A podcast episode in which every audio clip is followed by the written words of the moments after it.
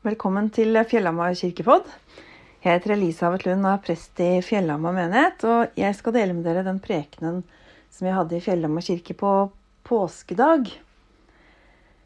Jeg skal først lese det som eh, var prekenteksten fra Johannesevangeliet i det 20. kapitlet. Tidlig om morgenen, den første dagen i uken, mens det ennå er mørkt, kommer Maria Magdalena til graven. Da ser hun at steinen foran graven er tatt bort. Hun løper av sted og kommer til Simon Peter og den andre disippelen, han som Jesus hadde kjær, og hun sier, De har tatt Herren bort fra graven, og vi vet ikke hvor de har lagt ham. Da dro Peter og den andre disippelen ut og kom til graven.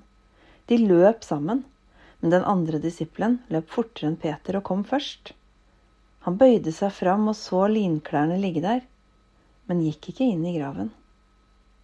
Simon Peter kom nå etter, og han gikk inn. Han så linklærne som lå der, og tørkleet som Jesus hadde hatt over hodet. Det lå ikke sammen med linklærne, men sammenrullet på et sted for seg selv.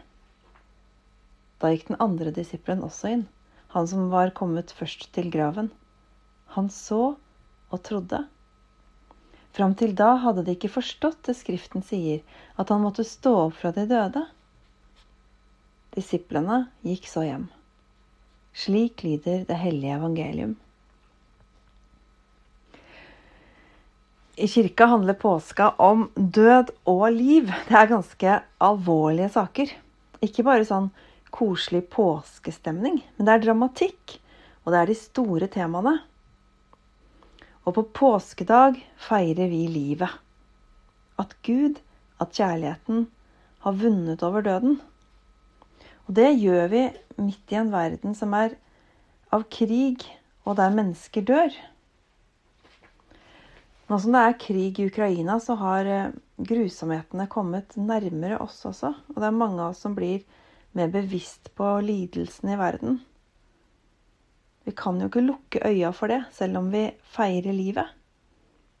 Døden er en del av livet. Og vi kan kanskje heller ikke feire oppstandelsen uten å ta inn over oss at døden fins.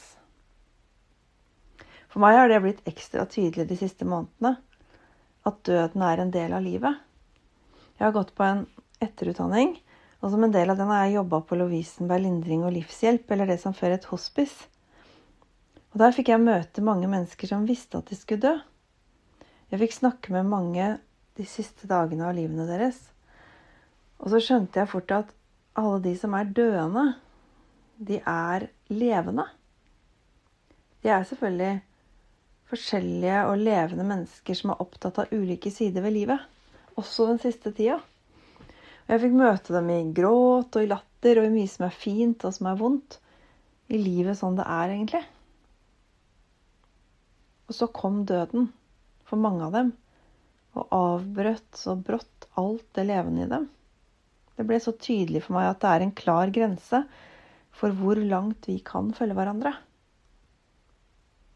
Og så lærte jeg også mer om at vi må tillate oss selv og hverandre å være dødelige. Og å ta vare på livet så lenge vi har det. Jeg tror det ligger ganske dypt i de fleste av oss at vi helst vil holde døden unna.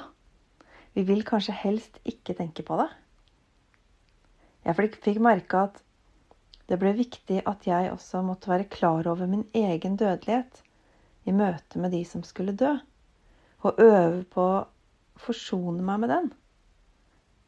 For det som fortrenges, det dukker bare opp andre steder. Vi vil helst unngå å møte det som gjør vondt i livet.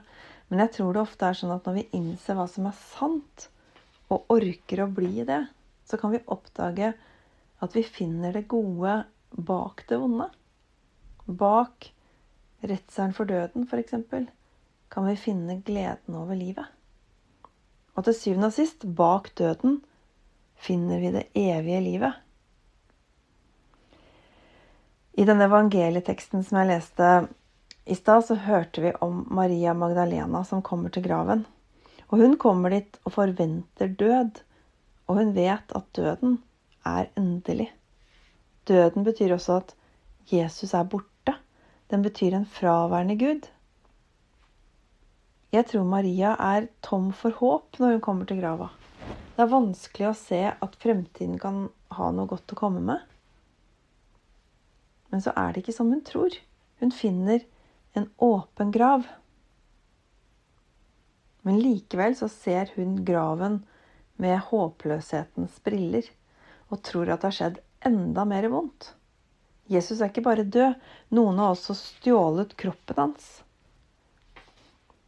Så løper hun og henter Peter og Johannes, for hun klarer jo ikke å bære dette alene. Johannes er først framme og stopper andpusten og ser inn i grava. Peter kommer etter, og han går helt inn. Og da tør også Johannes. Det er noe fascinerende med hvordan både Johannes-evangeliet, som jeg har lest i dag, og de andre evangelistene forteller om påskedag. Det er ingen vitner til selve oppstandelsen, men bare tegn på at det har skjedd. Og så må de tolke tegnene selv. Og her ser vi også hvordan de hjelper hverandre til å forstå og til å tro. Maria, som først finner graven, og som tolker det på sin måte, at den er tom. Og så løper hun og henter de to andre. Peter, som tar det første skrittet inn. Og så Johannes, som først da eh, kan komme etter, og som skjønner hva han ser. Han ser linklærne og tørkleet som Jesus hadde hatt over hodet. Det er lagt på en ryddig måte, og det vitner om at det ikke har vært noe gravrøveri. Og dette er et tegn godt nok til å skape tro hos Johannes. Og så får vi inntrykk av at Peter også nå forstår at det Skriften sier, har skjedd. Han er stått opp fra de døde. De to, de kan nå gå hjem. Men hvis vi leser videre etter prekenteksten, så hører vi at Maria blir stående igjen og gråter. For henne var ikke dette nok. Kanskje hun sitter så dypt fast i håpløsheten. Når hun ser inn i graven etterpå, så ser hun til og med to engler der. Men det hjelper ikke, det heller. Og når hun snur seg, så møter hun Jesus. Men det er heller ikke nok. Hun tror at Jesus er gartneren. Ja, først når han sier navnet hennes, at hun kan ta inn den nye virkeligheten og bli befridd fra den mørke håpløsheten. Jesus er tilbake hos henne. Håpet er tilbake. Hva trenger vi for å ha håp? Hva trenger vi for å tro? Hvis vi leser om hva som skjedde på påskedag hos alle de fire evangelistene, så vil vi se at det er mange detaljer som ikke stemmer overens. Det er ulikt antall kvinner som kommer til graven, og det er ulikt hva som skjer etterpå. Det er tydelig at de ikke har samkjørt historiene for å prøve å virke troverdige. Alle har bare fortalt det sånn de husker det. Og sånn er det jo når vi forteller om hva vi opplever også. Vi legger vekt på ulike ting. Og det er kanskje det som blir viktigst for oss, som fester seg i hukommelsen. Det er forskjellige tegn som kan skape tro i ulike mennesker. Hvilke tegn trenger du for å se at vi lever sammen med den oppstandende? Påsken rommer på en måte hele livet som vi lever i spenningen mellom redsel og trygghet, mellom harmoni og kaos, mellom sorg og glede. Vi feirer livet, men livet er så mange ting. Vi går hele livet ved siden av døden, og det kan være tynne vegger mellom liv og død. Påskedag handler om at livet er sterkere enn døden. Og i dag kan vi bli minna om at livet må leves. Ikke ved å fortrenge at vi skal dø, men heller ved å tørre å leve som de sårbare menneskene vi er. I påske har vi også fått høre om en sårbar Gud. En Gud som var redd, som ble tatt til fange, som ble piska og drept. Men vi feirer at kjærligheten er sterkere enn døden. Og vi er kalt til å leve livet sammen med Han som har lovet å alltid være hos oss. han som gir oss livet. Jesus kommer oss i møte der vi er. Han møtte Maria Magdalena mens hun gråt ved graven. Hun trengte å høre om sin navn hennes. I Matteusevangeliet så hører vi om at han møtte kvinnene mens de løp fra graven, mens de var redde og jublende glade. De trengte å høre 'frykt ikke'.